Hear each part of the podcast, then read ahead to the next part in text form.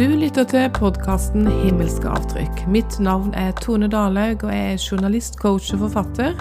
I denne podkasten får du historier med mennesker som har erfart Gud sterkt i sitt liv, og som selv setter avtrykk etter seg.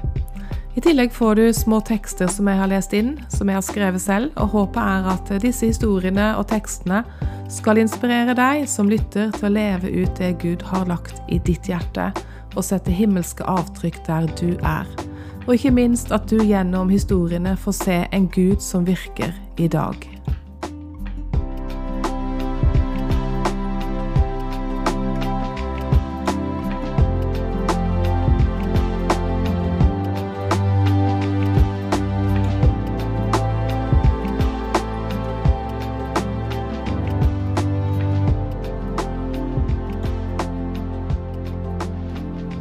Å leve vårt beste liv, ja, hva vil det si egentlig?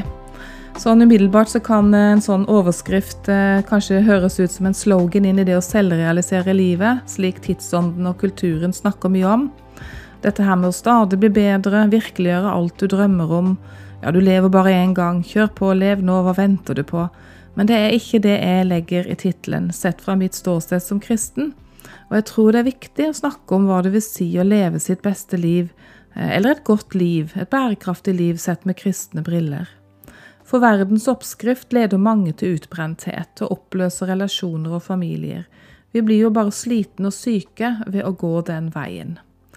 Og nå er det viktig å si at det er jo ikke noe ubibelsk i det å strekke seg, jobbe med seg selv, ville noe. Være visjonær, følge drømmer. Tvert imot, det er jo noe av det jeg snakker om og som er hjertet i Liv til ord.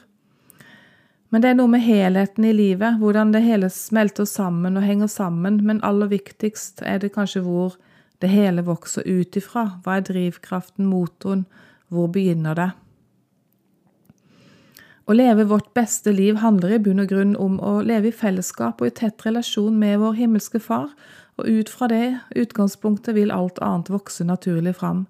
Og det både skal og vil vokse noe fram. I det nærværet og i det jordsmonnet kan det ikke være dødt. Og i det perspektivet vil ditt og mitt beste liv ha noen fellestrekk, men også se veldig forskjellig ut.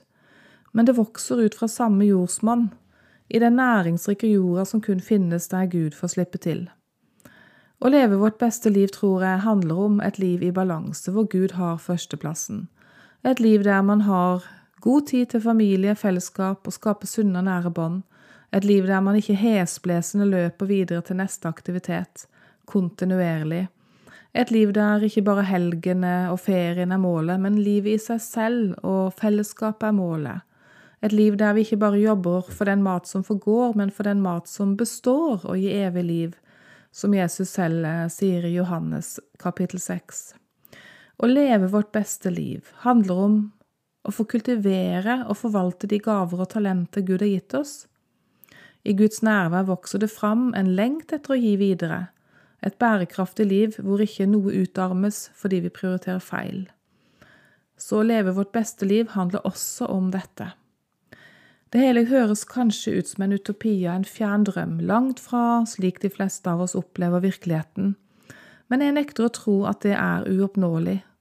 Og mitt eneste og beste argument for det er at vi har en far som kjenner oss ved navn, og som har et inderlig ønske om å leve tett på våre liv, veilede oss til den fulle og hele sannheten om både hvem Han er og hvem vi er.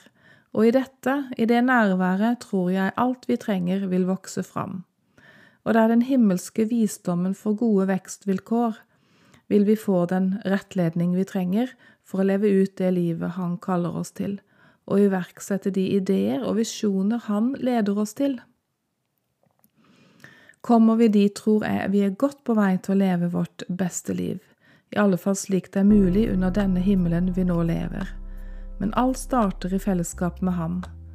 Der er ikke jeg i mål, men jeg er på vei.